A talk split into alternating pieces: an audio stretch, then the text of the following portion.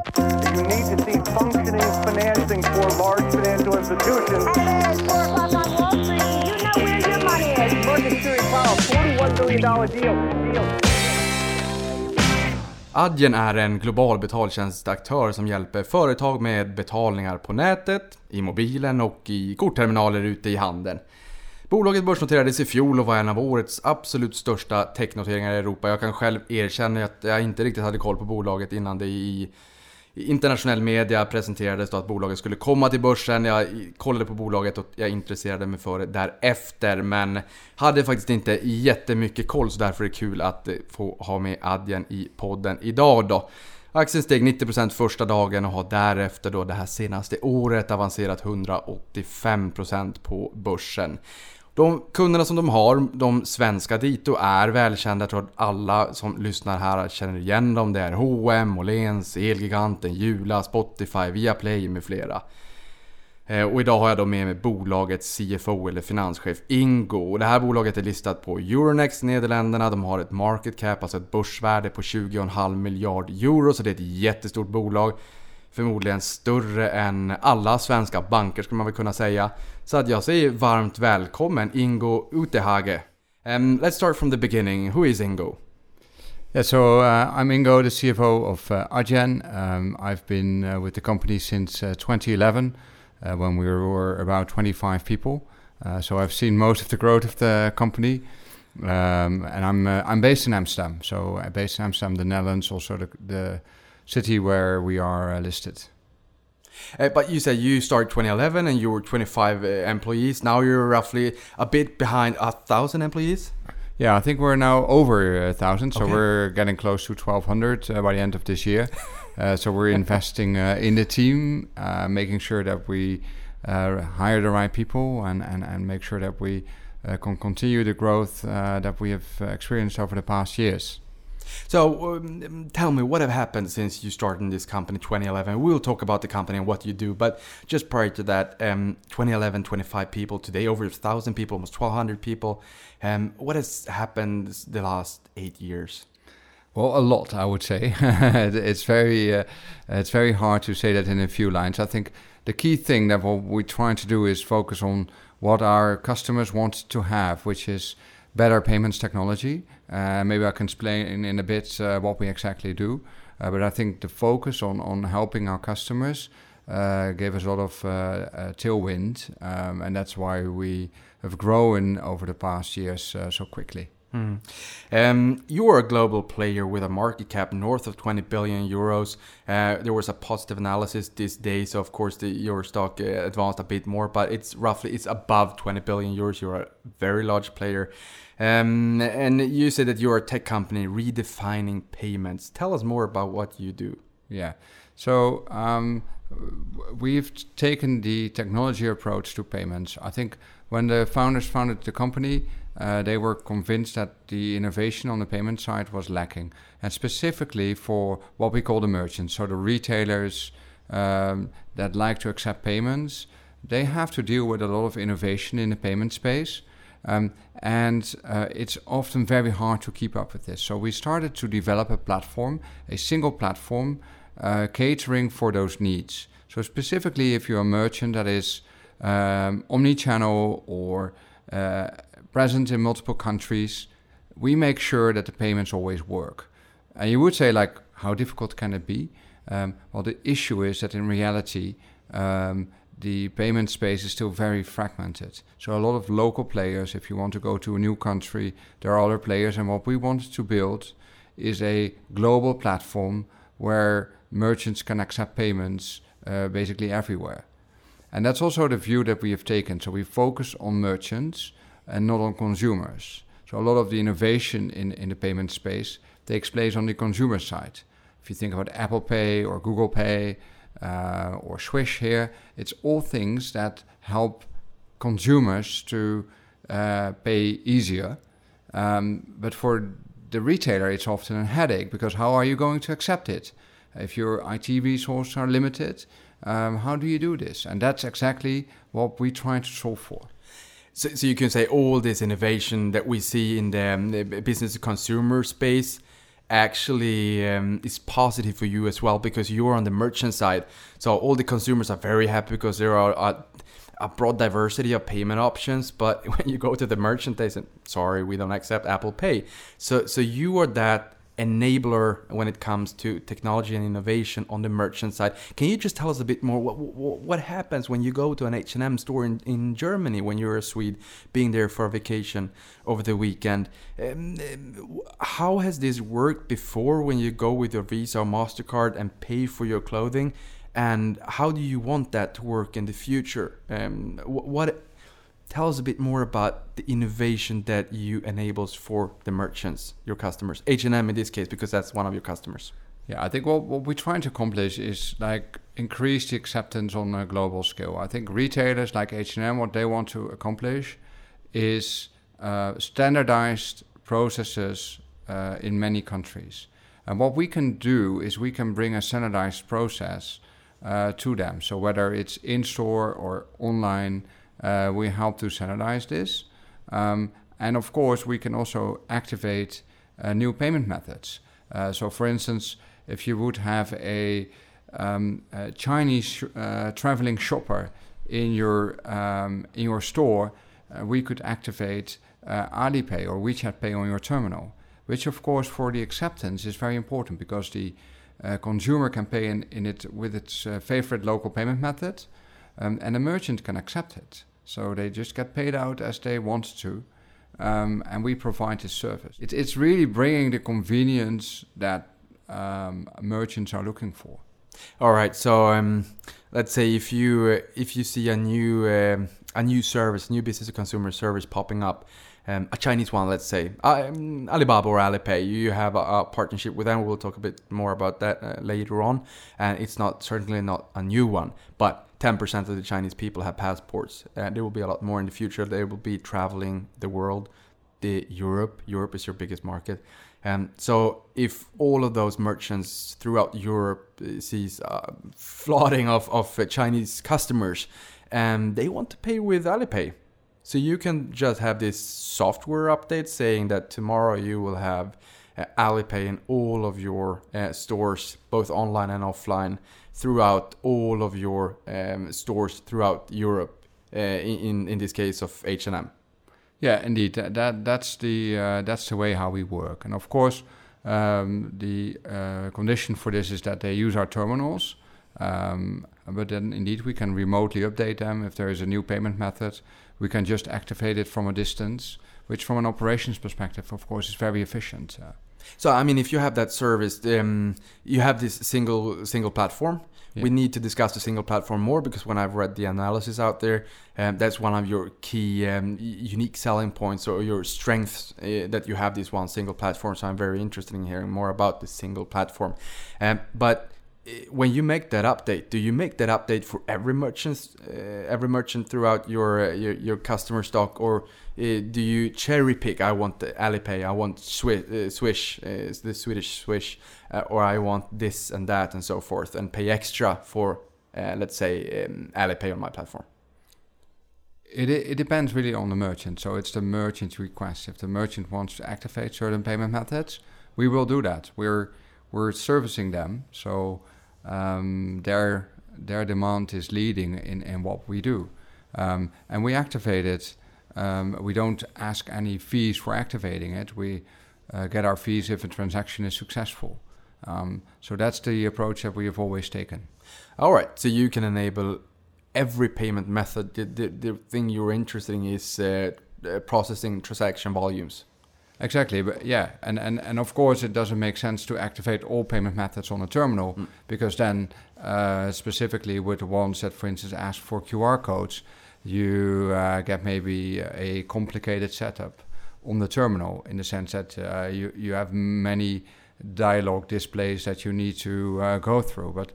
Um, we try to find that right balance, and we have quite a bit of data on this. Like, what is the optimal number of payment methods on the terminal or online? And indeed uh, try to help the merchant to make the right selection there. Mm. I see that you you are a global company. Um, you your your largest market is Europe, but you have a really fast growing clip in the North America and Asia Pacific, uh, a little bit less in, in South America, but even though it's quite impressive numbers, uh, what different payments uh, trends do you see in, in the different markets? Are they quite similar or are they quite different? I mean, in, in Asia and maybe China, we hear here in Sweden that they love the mobile payments um, apps. What what trends do you see out there? Yeah, the development in markets is completely different. Um, I think Brazil and, and the US are very similar in the sense that uh, car payments are leading there. Uh, so most of the payments done are uh, through cards. Uh, in Southeast Asia, that's different. Uh, there you see indeed the importance of wallets. So it's very important also for ourselves to support uh, those wallets. Um, I think what you see is that basically a lot of uh, what happened, for instance, with the, the Chinese wallets, that they basically, the, the consumers that had not a card before, they immediately switched to the mobile with QR codes. So they, they sort of skipped the whole card uh, uh, um, acceptance uh, by themselves. And I mean, for you, it doesn't matter. Uh, for you, it matters if they pay with cash. But if they use um, the Visa or Mastercard or um, maybe any wallet or, or any app in the mobile phone, it doesn't matter. You're agnostic, right? Yeah, we, we want to be agnostic. We want to help the merchants to increase their acceptance. That's indeed what we uh, what we want to accomplish. Hmm. On your website, you talk about checkout, card terminals, marketplaces, omni-channel, virtual cards, risk management, uh, revenue optimization, customer insights, and much more. Um, tell, tell us about the products and the solutions that you provide, the, the broad diversity of products and solutions you provide. Yeah, so maybe a bit background on on uh, on the company. I think what we have seen over the past uh, ten years is that a lot of companies treat payments as a commodity. Um, it's also a leader. You see a lot of acquisitions uh, in this uh, in this space, um, but we have taken a different approach. We think that payments is a functionality game um, and that the companies that are most successful they see um, the payment acceptance as a strategic decision. So if you implement it in the right way, uh, you can make a real difference in, in executing your, your strategy. Um, the reason why I'm saying this is because what we have done over the, the last years is, is developed a lot of new products um, to be this strategic enabler, whether that's um, developed a additional functionality on uh, payments for platforms, for instance. That's a, a great example. Uh, the unified commerce approach, whether it doesn't really matter in which channel as a as a consumer you pay, uh, but for the merchants it's basically all the same. These are the things where you you make a strategic difference, uh, and that's what we want to to accomplish as a company. So we always listened very carefully to the merchant needs and based on those merchant needs, we uh, build new benefits on our platform that could really help the merchant to increase their acceptance and, and make payments strategic. Um, with your with your platform, with your innovation, with your products and solutions, how do you see how does your technology and your single platform um, affect conversion rates for the merchants? yeah, if you if you see payments as a strategic enabler, it's all about conversion rates. So how do you make sure that more uh, you get more transactions authorized, uh, whether that's online or offline or a combination of both? I think a very great example is that if you have a smooth uh, checkout process online, and then, for instance, if someone wants to return uh, the goods in store. And also that process is very smooth, so you can link it to the original transaction, for instance. People tend to buy more in store because the whole experience is very smooth. That's a very good example of how you can increase conversion over time. So it's a it's a different approach to uh, to payments. I was on an investment trip in the US with the technology um, uh, managers in Silicon Valley, and they talked about um, insights as well when it comes to grocery stores. They said at traditional grocery stores, they don't even know that you're in the store uh, before you've left. if you have drawn any card, maybe you get some points afterwards and so forth. Um, and they um, they said that if you go to the Amazon store, they know exactly where uh, at your on the website what you bought before, what you probably will buy, and how much you will buy for, and where you live, and all of that. Uh, what insights can you derive from all of your information? I mean, omnichannel. Omnichannel is a buzzword in Sweden. Uh, a lot of people talk about it, but very, very few companies really understand um, omnichannel. In in my opinion, um, there are a few players for me as a consumer where I, I really feel that they really have omnichannel. Um, how can you derive and use the information? Uh, I mean, you know that I'm in the store and you know that I'm maybe buying online how can you sell that information to the merchant?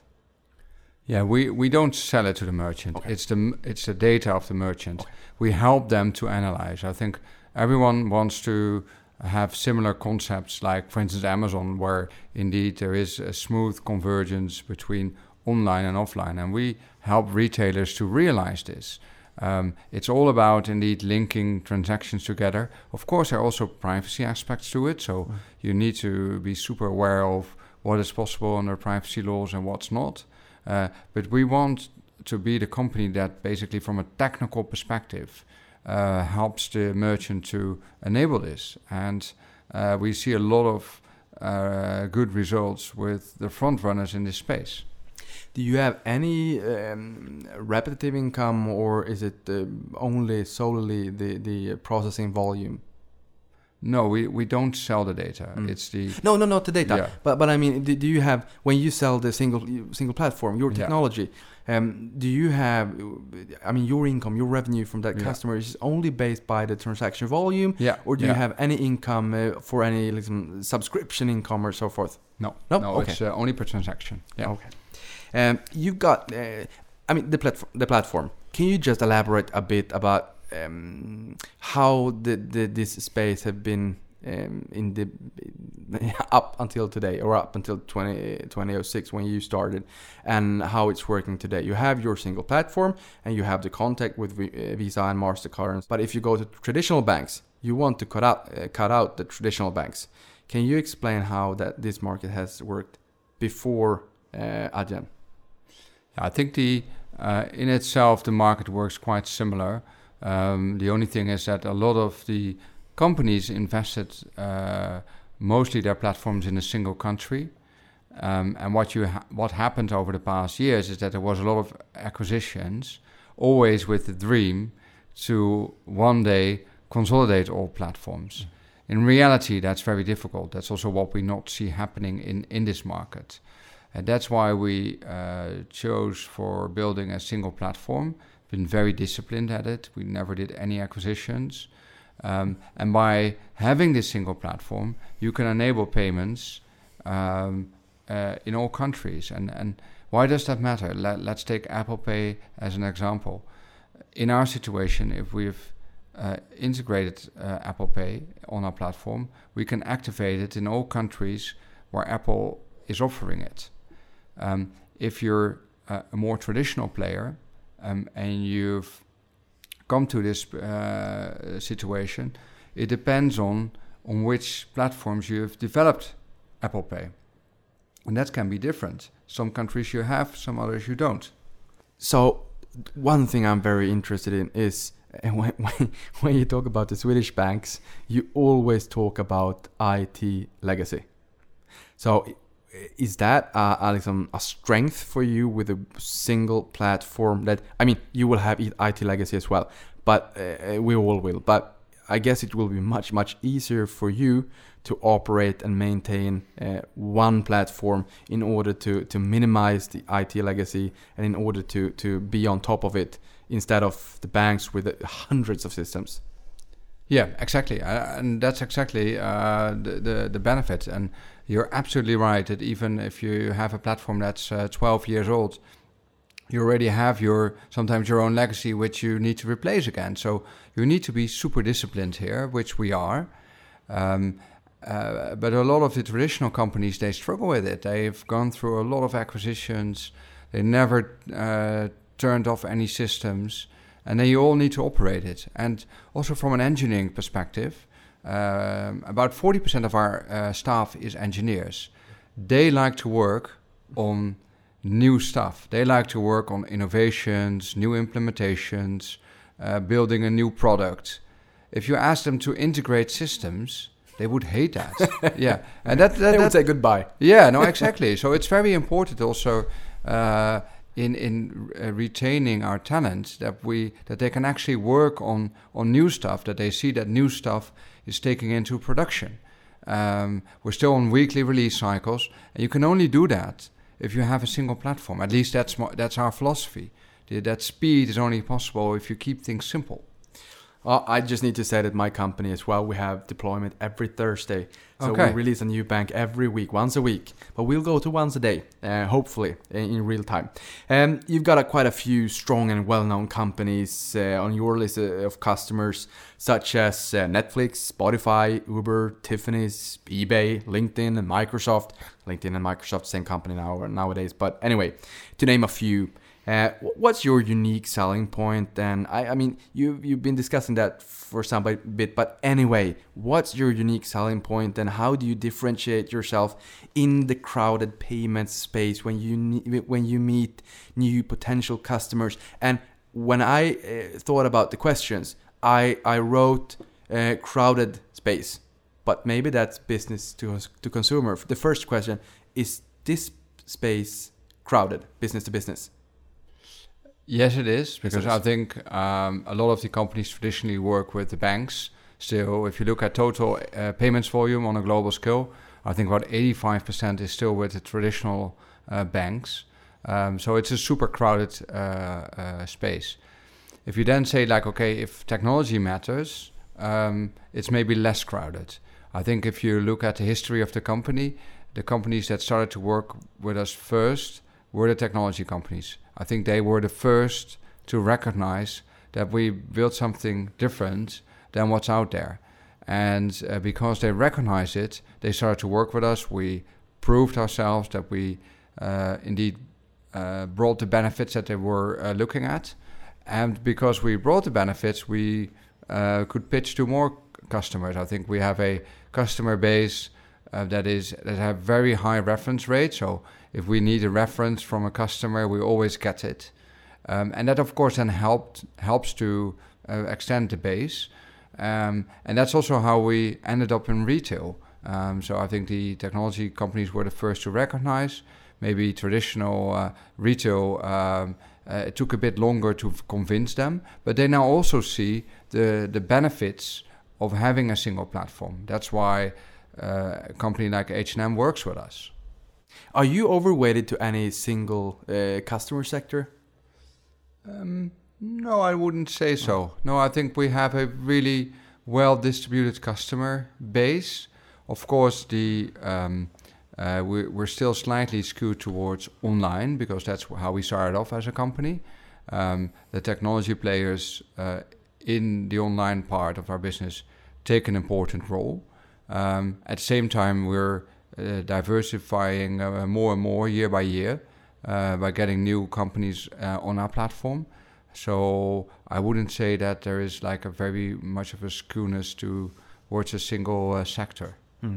Um, so, uh, is it possible to say what defines a typical Adyen customer?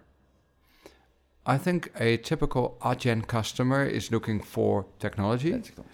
And um, they are often uh, they often work in multiple countries. So they want to have a platform that caters for those countries. Or they have multiple channels. So they are online present but also have offline stores for instance. Or even better it's both. They are um, multi-channel and multi-country uh, I think that's really our sweet spot. So, for instance, in retail, why I've seen that a lot of the high-end fashion brands started to work with us. Uh, they saw the um, the easiness of our integration, um, and then basically have the possibility to go to a lot of countries uh, very quickly. Uh, you said that the, the, this um, this market is very big, and it is. Uh, on your annual report, I could read um, that the total addressable market was roughly around 21 trillion dollars, which is quite a lot. Um, eh, how large is your moat? Uh, I think a lot of my listeners wonder about. I mean, how long would it take for a traditional large European bank, maybe, or, a large player, to develop this platform themselves? Uh, are we talking about years and much money, or what about your moat? Yeah, it, it takes time to to build this. It also requires to get the right team together. And it, so we don't look too much at the addressable market. Uh, we just said it's big enough. Um, it is. we have plenty room to grow. Yep. So a lot of the um, managed pers- perspective is on keeping the speed. So how do we stay ahead of competition? Uh, because of course, if people see that you're successful in a certain approach, there are always people that like to copy it. So the only way to to stay ahead of it is to keep the speed, make sure that you build a culture that is hard to copy, and stay disciplined. Um, one of the things that we still do is uh, w- with every hire that we make, the final interview is with one of the six management board members um, because we really want to control uh, who gets into the company. Once they're hired, they get a lot of freedom but we want to see who's joining, and and that really helped us. That sounds good. And I, when I said the total addressable market of 21 trillion dollars, you have 159 billion uh, euros. So I mean, it's it's quite a lot to grow, and the market is keep growing every day. Of course, the 21 trillion dollars. Um, you have virtual cards as well, which has become quite popular. Um, can you tell us more about the virtual cards? Yeah, I think the uh, so we recently launched the uh, issuing pro product. Uh, part of this issuing product is the ability to issue virtual cards. Uh, for instance, in in the travel industry, this is very common. So as a consumer, you pay on a website, and then this website needs to pay uh, the hotel, for instance. And what the website then wants to do, what this booking agent wants to do, is issue a card to the hotel, so that the hotel then can uh, acquire the funds. Um, that's what we facilitate with the uh, with the new uh, product that we released. it's still relatively early stage, so we're piloting, but we think that this is a very important product to further build on. Mm. When you have the traditional stores, the, the the real stores, the brick and mortars, do they need to have your physical credit card terminals in order to have your system, or can they have any other competitor? but use your software platform or if I go into an H&M store in Germany and I see um, the the card terminal, is that your card terminal always if you they use your software in um, in the company, in the store? Yeah, if they if they use our backend, they also need to use our front end. So okay. it's a the the hardware of the terminals is uh, bought by us um, but we've developed the software on it. Um, so you you can't work with us in store without our software. So you need to, if a merchant starts to work with us, they need to replace the terminals with the terminals that are configured by us. All right. So when I go into a store afterwards, and if I see uh, if I see Adyen on on uh, on the hardware, I know that you have the you have the customer. Exactly. yeah. yeah. All yeah. right. A lot of people see you as a competitor to companies like PayPal or uh, the Swedish company Klarna. Um, is that a fair comparison? And uh, which companies do you see as the main your main competitors? I think if you look at uh, companies like Klarna and and uh, PayPal, an important part of their product is the consumer product. So helping uh, uh consumers with a wallet or uh, a uh, bill to um, invoice. We've taken the merchant approach. Um, of course, PayPal also has this merchant approach, but we have made a clear vision to only focus on merchants. So we don't really see them as competitors. They're more like partners. Um, that we can also accept. Uh, so we on our platform, if a merchant wants to activate uh, Klarna, that's absolutely possible. Um, so how um, can you give us some uh, scenarios when I, as a regular shopper, both online and offline, are being exposed to Adyen products or solutions? I mean, if I go into this uh, physical store and I see the Adyen and I see your hardware, I know that all right, this is one of your customers. But uh, maybe online, how can can I, as a customer, know uh, and when I'm exposed to your um, hardware or software? Yeah, you probably in most of the situations you don't know. So of course, if you're in store, you see uh, the terminal with our name on it. Uh, so then you know that you're exposed to us. So indeed, if you go to an H&M here in Sweden, uh, you will see uh, us. Um, but if you're if you're online, you, don't know because we're a business to business company. Uh, we've always flown under the radar uh, as a result of that, uh, so it's invisible. But if you uh, uh, take your Spotify subscription, uh, the likelihood that you have processed that transaction through our platform is very, very high. So I think that's another example where we are um, basically behind the transaction. Uh, what is the difference between your technology platform, single platform, uh, which includes the full payment stack, and the more traditional ones normally run by banks?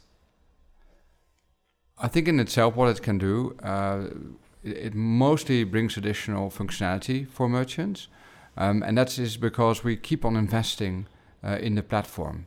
I think one of the issues of a lot of the traditional banks is that they have underinvested in payments. Other areas of the bank were more important or required more attention. Uh, so the the conviction always was that you can't really make money on payments. Well, I think we have proven differently, and the reason uh, or the focus area that we've always taken is to focus on the functionality. So as long as you keep investing in functionality and build on the platform, you you ha- really have a uh, good position in the market.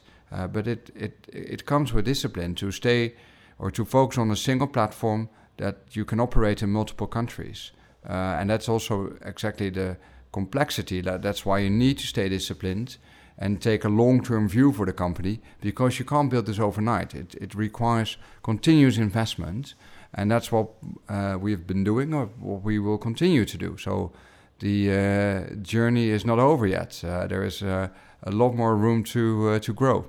That's good because I have that question as well later on if the train has left the platform. it's always the same question. You popped 90% on your IPO day and you're up 185% since then. So, of course, uh, we, we wonder has the train left the platform soon?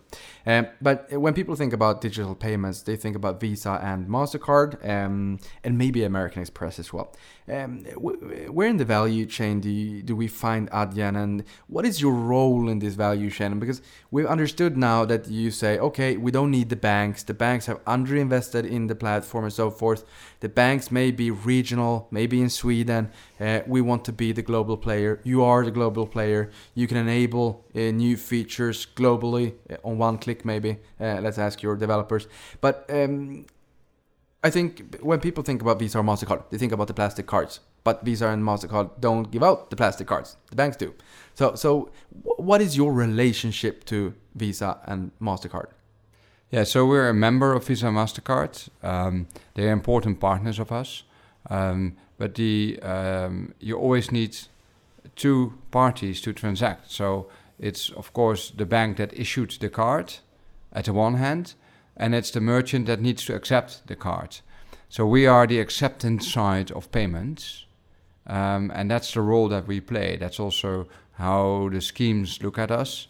Uh, so what we are an acquirer. That's how they technically call this, and we help merchants to acquire cards. Um, and uh, that's uh, of course um, uh, that's why we're a member of Visa Mastercard. That's why we talk to their systems uh, and make sure that a transaction gets authorized by the issuer. And and as a new product, we also launched uh, issuing recently. That's my, that would be my my follow up Yeah. question because your virtual cards. So, where do we find your virtual cards in comparison to the the plastic cards issued by my local bank? Yeah, yeah. So it's not we not only uh, launched uh, virtual cards, we also uh, launched uh, physical cards. Um, but uh, the difference is that we uh, don't want to uh, be the consumer facing brand. So we help our merchants to issue cards. Hmm, white label. Yeah, white label. Okay. So we're basically al- also again here. Uh, we want to be that business to business brand on the background, providing technical infrastructure to our merchants, help them to solve um, uh, difficult problems.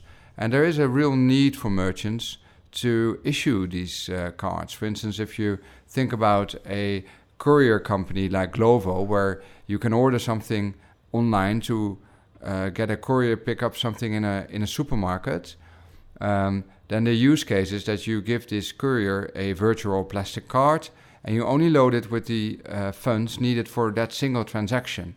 That transaction is done then in the supermarket, and you reload it when they go for the next transaction. Um, and I think that's a really good example um, how you can issue cards in a modern way, which nothing, which has nothing to do with the more traditional um, setup for issuing cards. But but why do you need the the um, the real real life, so, so to speak? Why do you need the um, the physical cards? I mean, you, you will not be the one issuing cards for the banks, I guess, but for for the private uh, for the companies. But uh, is it loyalty cards or, because yeah, now you, you you spoke about the the virtual cards. If I order something and I, maybe I don't want to give out my card number, but if I have a virtual card which renew the the um, the card number and, and the expir- expiration date and CVV code and so forth. That's that's great. Um, but but why the, the physical cards? Um, well, in some situations, uh, people still want a physical card.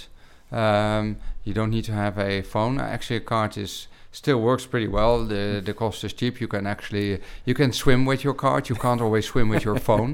All right, Uh, uh, so- now I realize. yeah, yeah. So there are some benefits, but I agree. Maybe longer term, a physical card, physical card will disappear.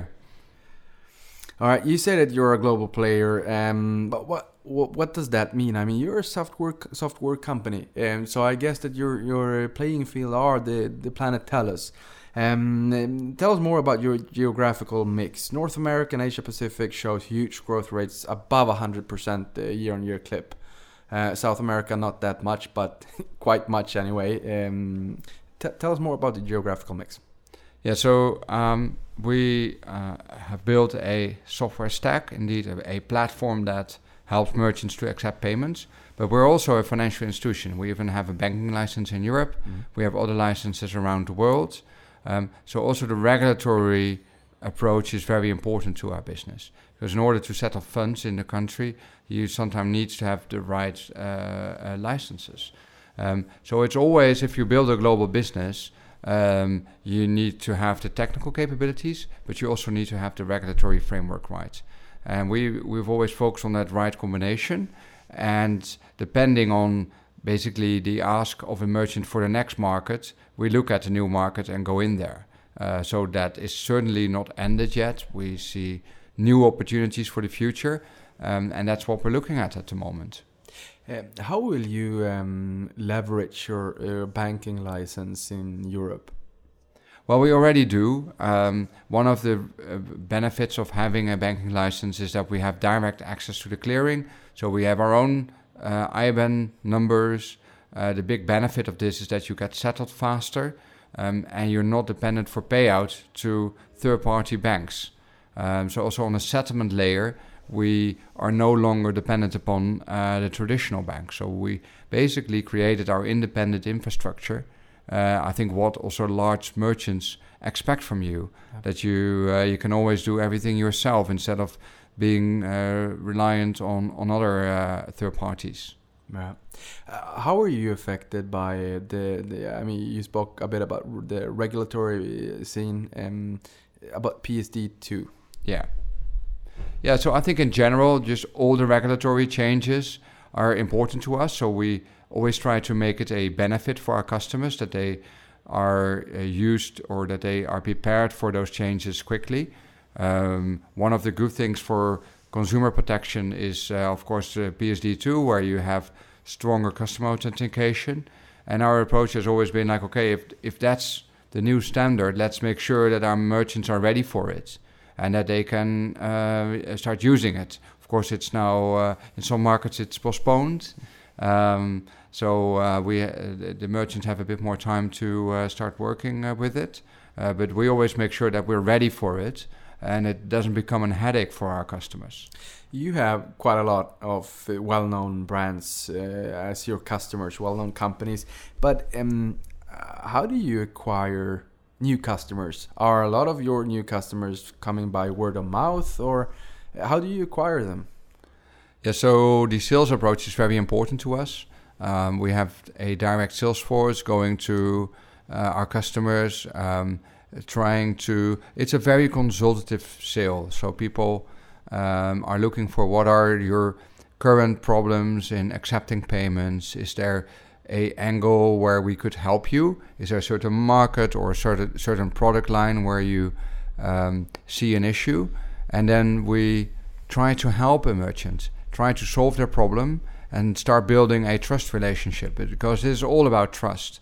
And uh, the main thing that sales uh, focuses on is building that initial relationship, and then we build from there. We have a land and expand strategy. So, first making sure that a customer gets live on our platform, then prove that we have real added value to, uh, to a merchant. And if you have this added value, the next step is very straightforward, I would say, because then you've proven yourself um, and and they're willing to do more. But if we look at a new customer, uh, which is not a customer of Adyen yet, um, is your solution cheaper or is it uh, adding more value as a single platform, the global platform, the one one-stop shop, or is it a combination of both of them? Um, what do you say there? It's it's a it's more added value. Um, we typically hear back from merchants that our price per transaction is higher than what they used to pay, uh, but we bring a lot of added value to the merchant, and we always uh, we often take away a lot of the hidden costs. Um, so I think if you look at the total cost of ownership, we're actually cheaper than uh, what's out there. But of course, you first need to uh, realize those efficiencies or um, gain the additional revenues because you get to higher conversion rates and higher conversion rates are good for bottom line. Um, how many customers do you have, and um, how large of a portion uh, in your top line is derived from, let's say, largest ten players, largest ten uh, customers? Yeah. So if you, uh, so we've never really disclosed the, the, the precise number of customers, but our customer base is more in the thousands than the tenth of thousands or more. So we have a very strict approach to uh, onboarding new customers. We've always focused on enterprise customers, um, so relatively uh, larger customers. And we've recently made also a push into uh, to uh, local players, more the local heroes. Uh, uh, also here in Sweden, we have more local players now on on our platform. Um, and if you look at our top 10, top 10 is around 30% of our uh, revenue. So uh, it is uh, a bit concentrated, but not super concentrated. I think it's fair to say that in payments, uh, there's always a bit of concentration. Mm-hmm. But I mean that's good as well if you have the large enterprises and if they start to not start to maybe H and M is in uh, qu- quite many countries, but if they open new countries, then you follow them along. That's what we hope for. Absolutely, that, yeah. That's our strategy. Yeah, yeah. yeah. Um, you have an impressive top line growth. Back in 2017, you processed 108.4 billion euros, uh, which was 50% more than in, back in 2016. Um, last year, your number grew to 159 billion euros, which is another 47% um, year on year. That is roughly less than a percent of the global total addressable market. It's not that important for you, as you said, because it's so much money. But even though it's uh, 25, uh, 21 trillion dollars, uh, as I said before. So one key question from the market has been for how long you can sustain the rapid growth. Um, I mean, the market is huge and it's growing, but for how long can you sustain? I mean, you have your um, your uh, financial objective saying that you're supposed to grow 20 to 30 percent and you are growing much much faster uh, than that if we look at the historical numbers 159 billion euros I, I read this analysis saying that you'll be up above a thousand uh, uh, processed in 2021. So I mean, you are growing and you're growing faster than than your uh, targets. How long can you sustain this? Yeah, that's why we have given this uh, this medium to long term guidance, um, where we say indeed on a compounded uh, growth rate basis we will grow between mid twenties and low thirties. Um, the reason why we're growing faster at the moment is because we have a lot of traction. At the same time, uh, we want to keep this medium to long term guidance because we we have a long term view as a company. We don't want to focus too much on the short term. So you could say, for instance, yeah, then let's uh, let's only give guidance for this year. But then you get this uh, short-term focus, which we don't think is good for the company. Uh, we want to build this company for the long run. Uh, it's special to us. We want to keep this company, Yeah. um, and uh, then you shouldn't uh, fall into the trap that you go for short-term goals. Um, so I think everyone is happy that we're growing faster at the moment. what we have given is like the medium to long term perspective on what we think is is very um, good achievable, and we do everything every day to uh, to get to that uh, long term growth.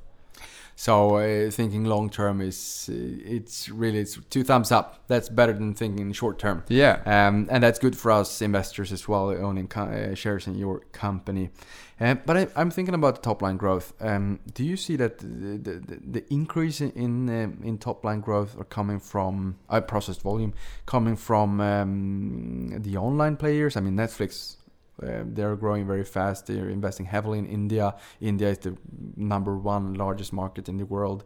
Uh, in, in, uh, when you look at video consumption, um, you have a lot of players, your- customers that are really growing fast, uh, and I guess that the processing volume will grow fast as well. But uh, when you see, when you look at the growth of your customers, are it is it um, uh, the, the online players or the offline players that that stands for the biggest uh, increase in process volumes and new customers? more to- skewed towards online or offline? I know that maybe you say we're agnostic, we don't care, but but if you look at now, are there more incoming customers on the offline or online segment? I think if you look at the relative share of point of sale, uh, it's still increasing. So from that perspective, you could say that's growing even faster than uh, than the online side. But you're right, we're a bit agnostic to it. Um, I think in general, if you if you just look at our um, approach, we we really want. It, it should basically not matter um, what kind of volume we board, as long as uh, it helps our merchants to grow. Uh, so that's our uh, that's our focus, uh, I would say. I, it would be great. I mean, if you take Netflix for an example, Netflix or Spotify. I mean, you Yeah. you renew your subscription every month. For you, it would be uh, that's great, I guess. Yeah. I mean, the, the, Yeah, but but we, we really benefit from a bit of tailwind. So we of course have technology companies um, that grow fast, and they are on our platform. So that helps for for our growth. So we have a lot of tailwind from uh, growing in an offline. We have a good proposition there, and that helps us because that brings us new customers that also bring our offline volume. And then thirdly, and that also helps us, there's in general a shift from offline to online. Mhm. And we're really good at online. Mhm. So people tend to want to work with us. And all those trends help to uh, to get to these volume uh, gains over time. I said earlier on that I thought that um, omnichannel was a buzzword uh, because a lot of people talk about uh, omnichannel, but they aren't really delivering on online um, omnichannel. Uh, when I look as a customer, when I go into a store and I say, hmm. Uh, when you meet companies, when you meet customers, do they get the wow uh, feeling when you realize when you explain to them what you can do and what you can help them with?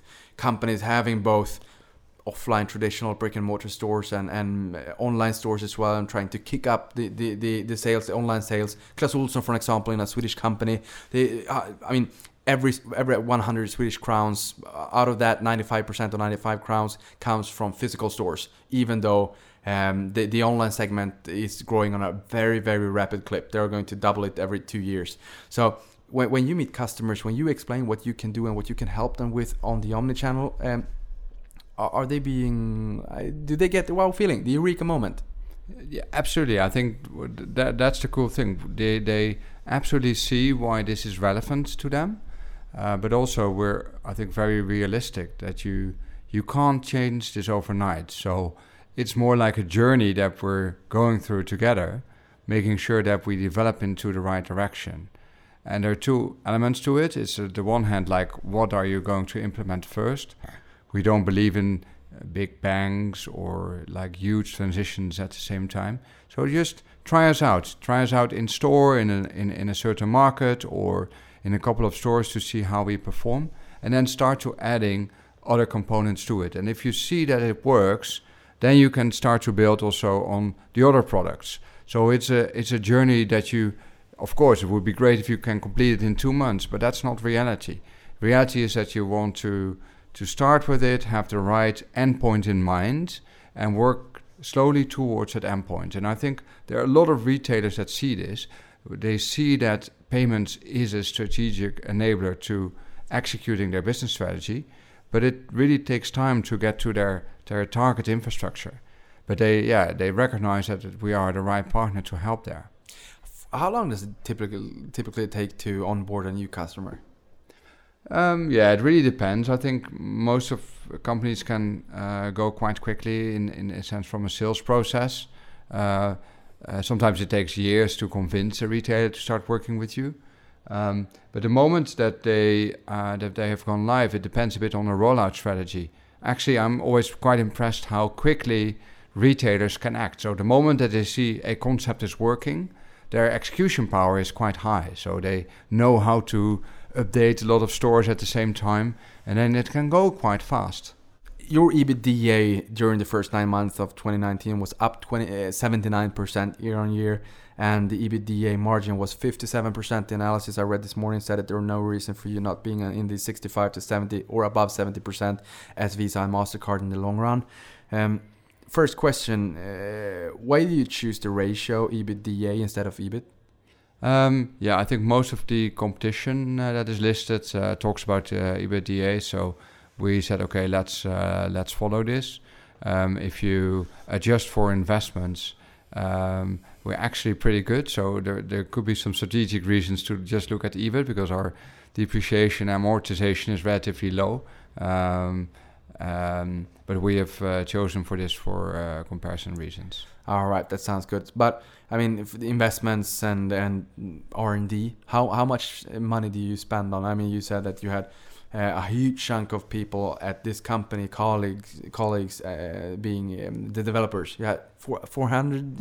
Well, for around forty percent of 40%, our 40%, yeah company yeah. is uh, is engineering. Yeah. Yep. Um, and uh, a lot of them are working on uh, innovations. Uh, that's also an important part of our yeah investment in in the long term development of the company. Your DNA. My our DNA exactly. So, so so how how big chunk of your revenue, if if you can say, how much do you put in back into um, to um, um to innovation to R and D? I mean, we could say the the personnel costs and forty percent of the personnel costs to make it easy for us. But but how much money do you put in back into to innovation?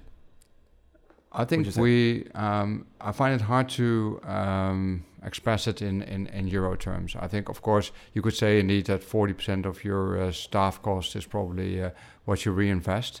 I think what we mostly invest in is in culture, making sure that we keep this culture of speed, making sure that we do the right things, that we work on the right products, and I think that's the key thing because that's super hard to replicate.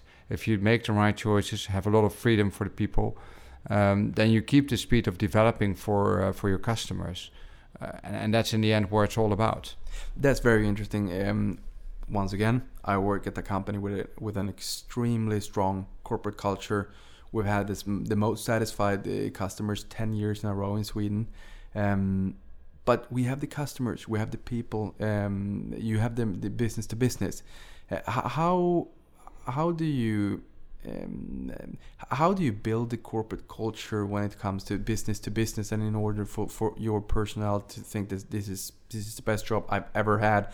I mean being on top of it you said you have never acquired any other companies and, and consol- consolidated them and the, the engineers would think that would be boring. And that sounds good that they don't need to do the boring stuff. But but how do you uh, what what is corporate culture for you, and and how do you um, how do you secure and maintain that you build the strong corporate culture and maintain and keep your good, uh, talented employees?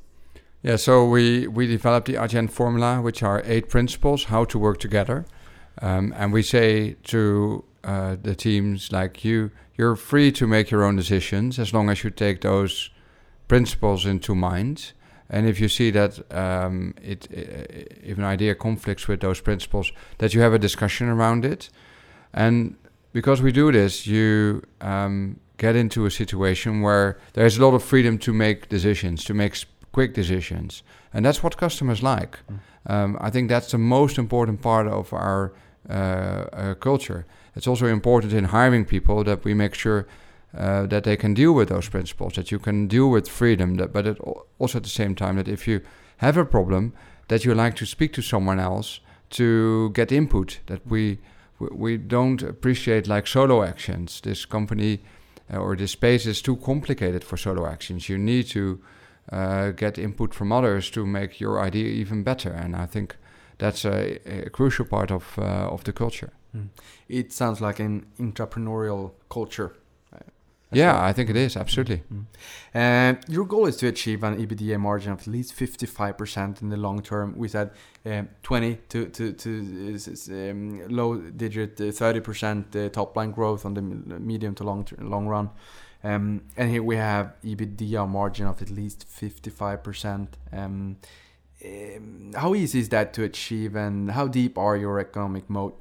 Once again, I mean, this analysis I read from one of the larger in international banks said there are no reasons uh, for you not achieving EBITDA margins of 65, 70, 71, 72% like Visa MasterCard. You're laughing now. That's good for you. I mean, it's good for you. It's a, it's a good analysis for you. Um, long term, do you think it would be possible for you to achieve those enormous, humongous, enormous EBITDA margins? I mean, 55% is is it's very very high EBITDA margin anyway, uh, right now. But what, what what what do you think? I mean, I, I know what the objectives say. Uh, we, we cannot tell our listeners that we will achieve 70% for sure next year. We cannot say that. But a couple of years from now, um, I mean, you, I guess software you you have an economy of scale. I guess um, huge uh, initial costs for building this thing. You, you, started back in 2006, and I guess that the mar- the cost, the margin cost for every transaction will be quite low and maybe lower in the future. What do you think about the margin?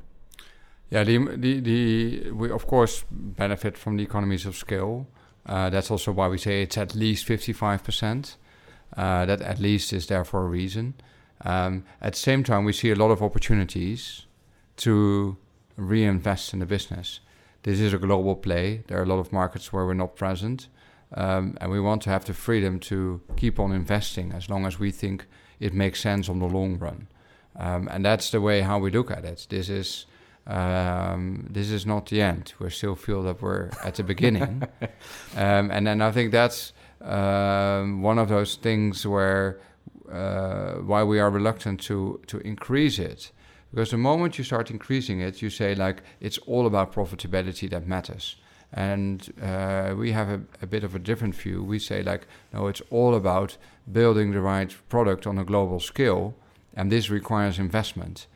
And only with this investment, uh, we can keep the speed and help our customers in a great way. So that's our focus, and that's why we uh, have the current guidance and the the the, mm, the, money being reinvested in the company and the, the satisfied customers will bring the the good uh, good margins um, that you ha- already have and that you will have yeah. in the future future as well. Um, are there any other verticals or products ca- product categories that might be interesting for you in the future? I mean, we talked about the, the virtual cards, we talk about the the, the real in real life cards, the, the physical cards, but um, um are there any other verticals that you think, hmm, this this might be interesting in the future. Maybe not today, but in the future. Yeah, we're we're investing at the moment in uh, specific uh, verticals like uh, quick service restaurants are important to to us. Uh, we think we can make a difference in uh, uh, hospitality world, but that these are um, more medium to long term plays before you really get to volume there. But we from a if you think about the strategic rationale in those areas, it's absolutely there because you you, have similar um, uh, questions or discussions around people wanting to do things on their mobile, uh, on the physical point of sh- uh, sale, uh, online, and, and how to combine and recognize customers. It's exactly the same.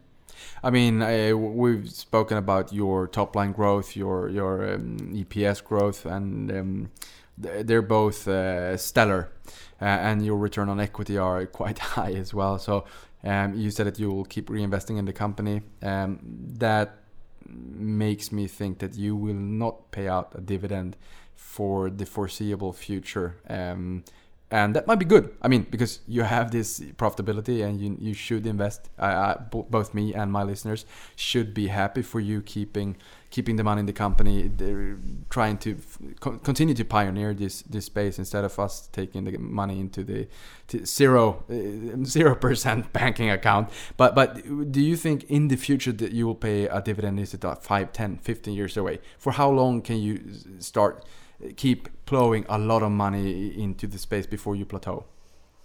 Yeah, so for for the next couple of years, we think this is the most uh, rational strategy because uh, we it also helps us to uh, to have the speed. If we talk to regulators or if we talk to uh, bigger merchants, you uh, can demonstrate that you have a very stable balance sheet, um, and that basically our financial position is never a, a discussion uh, topic. Uh, of course, that helps to, to keep the speed. Of course, if we continue to add cash to our balance sheet, there will be a day in the future where this is a more difficult story to tell. Um, I think shareholders see that we have always been very disciplined. Um, and and um, well, we will keep doing this. Uh, we will stay disciplined. Um, you said earlier on that you you have never acquired any company. That's right. And um, uh, will you keep growing organically, or, or the, um, can it come to a point that you say, "All right, let's go for an M and A shopping spree"? Not the boring stuff for the engineers to be bored over, but is there anything that could be interesting for you in order to make you um, say, "All right, let's acquire this," or is it the organic play that uh, that we'll see? It's the organic play, um, and of course, it, you can also argue never say never. Mm if there would be an exception to this strategy, it would, for instance, be if we would see a very talented team on a certain topic where we say, like, okay, that would be a real added value uh, to Adyen.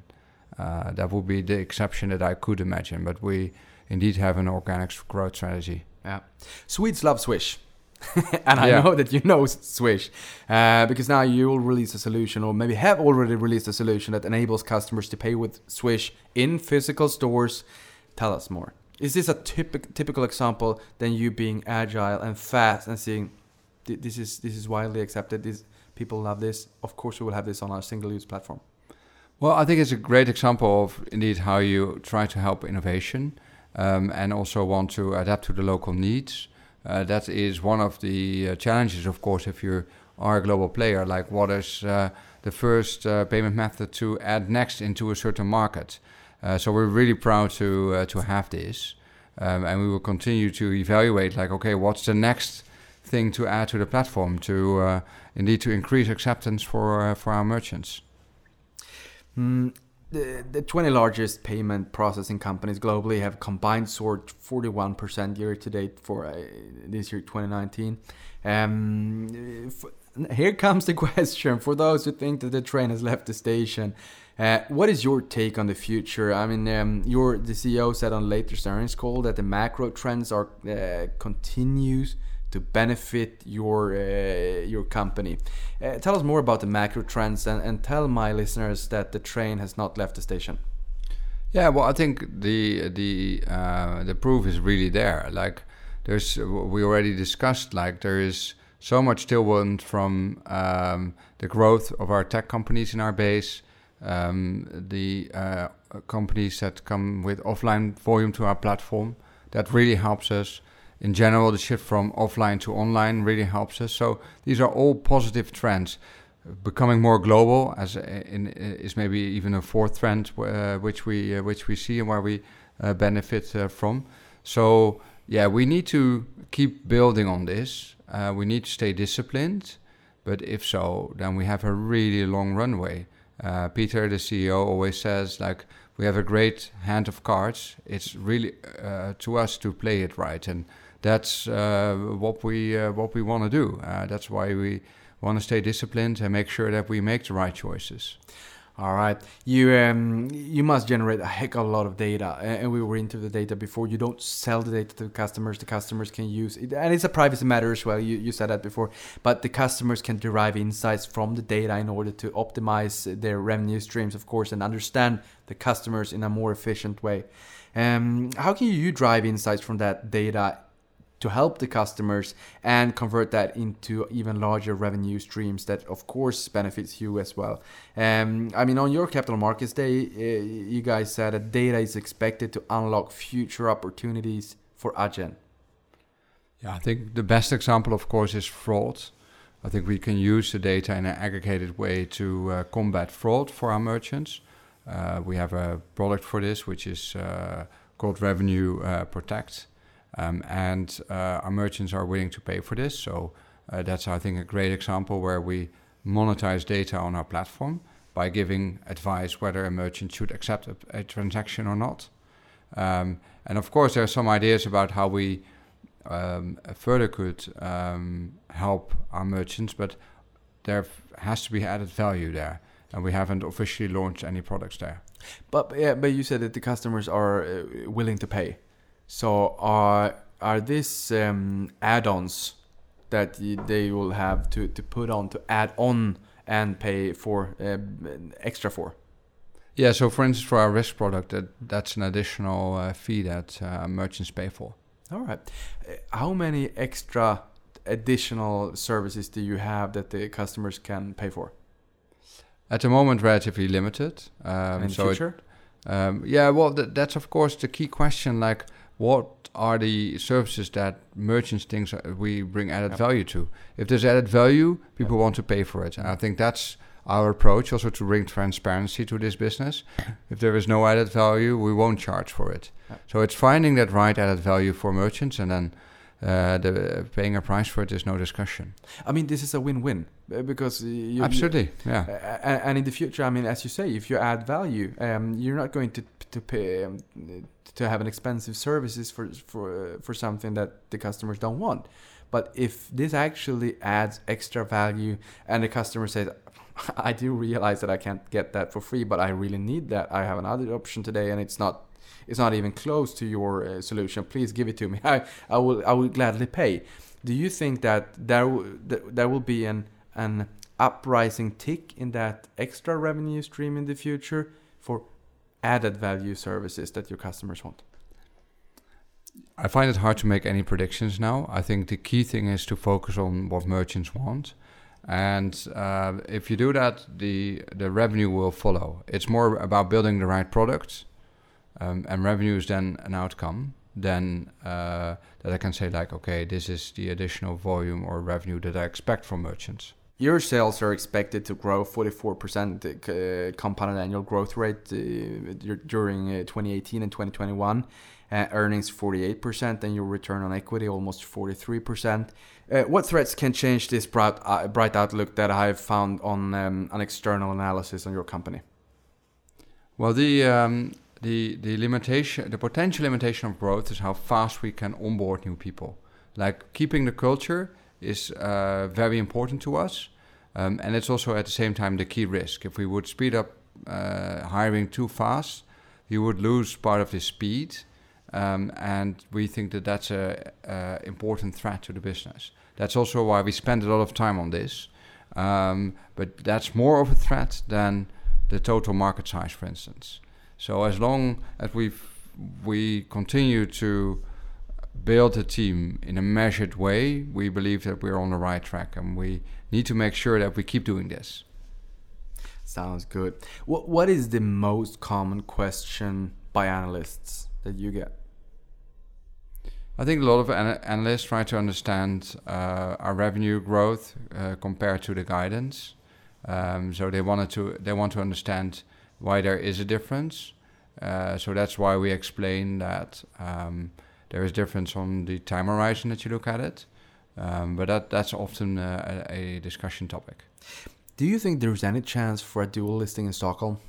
We love equity in, in we are the most crazy people about equities in the world. The the, the, the Finnish people are, are second next to Swedes. Do we, can, will you do you think you will du- dual list in Sweden um, sometime in the future?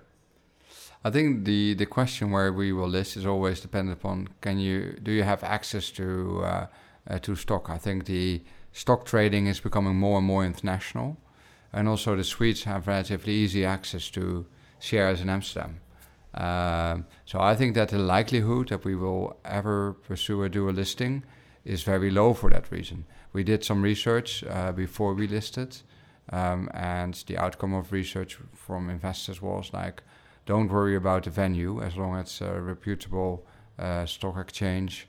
Uh, we will buy your share. So uh, we try to uh, to keep that in mind, um, and and and probably uh, continue to be listed only in in Amsterdam. My answer is hmm. But, but sorry.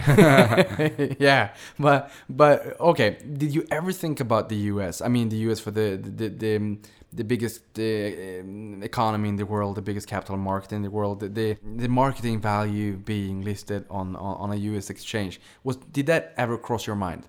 Absolutely. We we made a careful analysis where to list, mm. and we concluded that Europe had a couple of benefits compared to the US. Although the US is a great market, and uh, from a marketing value, of course, it's still seen as something super cool to be listed in the US. Mm. But I think we've proven that listing in Europe is actually um, a pretty good thing to do. Um, the benefit of being close to your home regulator is important. We're a licensed uh, bank in Europe, uh, so it, it just helps to to be close to that. Um, there's a bit of scarcity value for tech stock in Europe, so that helps us. yep. Um, if you yeah. look at the investor base, uh, I think around uh, between 60 and 70 percent comes from the US. So I don't think there is a disadvantage of being listed in Europe and still be very attractive to uh, US investors. So you're very kind to the European equity markets, actually bringing the the Americans to come to invest in, in Europe and bring some some shed some light over the European stock markets. Um, just one question comes to my mind when you say that being something cool about being in the US. Um, how did you how did you acquire? Uh, did, I mean, you have the cool companies, the, the Spotify and the Netflix and so forth. How, did you acquire those companies? Yeah, so we opened offices in the US quite uh, quite uh, quickly after we started the company. I think our initial discussions already in the US uh, were in 2008. Um, I think the if you start a company in the Netherlands, and it's probably very similar here in Sweden, you know that you need to go international because your home market is uh, not big enough. Um, so that's why we, uh, from the start, focused also on other countries, and of course, US is an important market. Um, and I think they, uh, the company, the technology companies there, were the first to recognize that we built something uh, unique uh, for their international traffic. So that's how a lot of uh, the the initial partnerships started. Mm. But you have the Netherlands. You had the Tulip Mania back in 1637. Uh, that's that's quite a story. Um, can you? The last question. Can you just tell me something about Adyen uh, five years from now? I think what we uh, will continue to do is build the business as it currently is. So we all are uh, long-term focused, uh, making sure that our merchants can grow, that we can continue to change this uh, industry, but also that we have fun uh, whilst we're doing it. Uh, that's also a very important part of uh, working for Adyen that we that you work with the rightest people around you, um, and that you learn every day. And and that combination of helping merchants grow, changing the industry, and having fun. It's for me the re- key reason to uh, to come to work every day, and and that means that in five years' time, if we continue doing this, uh, we've increased our market share and have very happy customers. That's in the end where it's all about. That's in the end what it's all about. Ingo, thank you very much for joining me today. All the best of wishes. Thank you. It was a pleasure to be here today. Thanks. $41 billion deal. deal.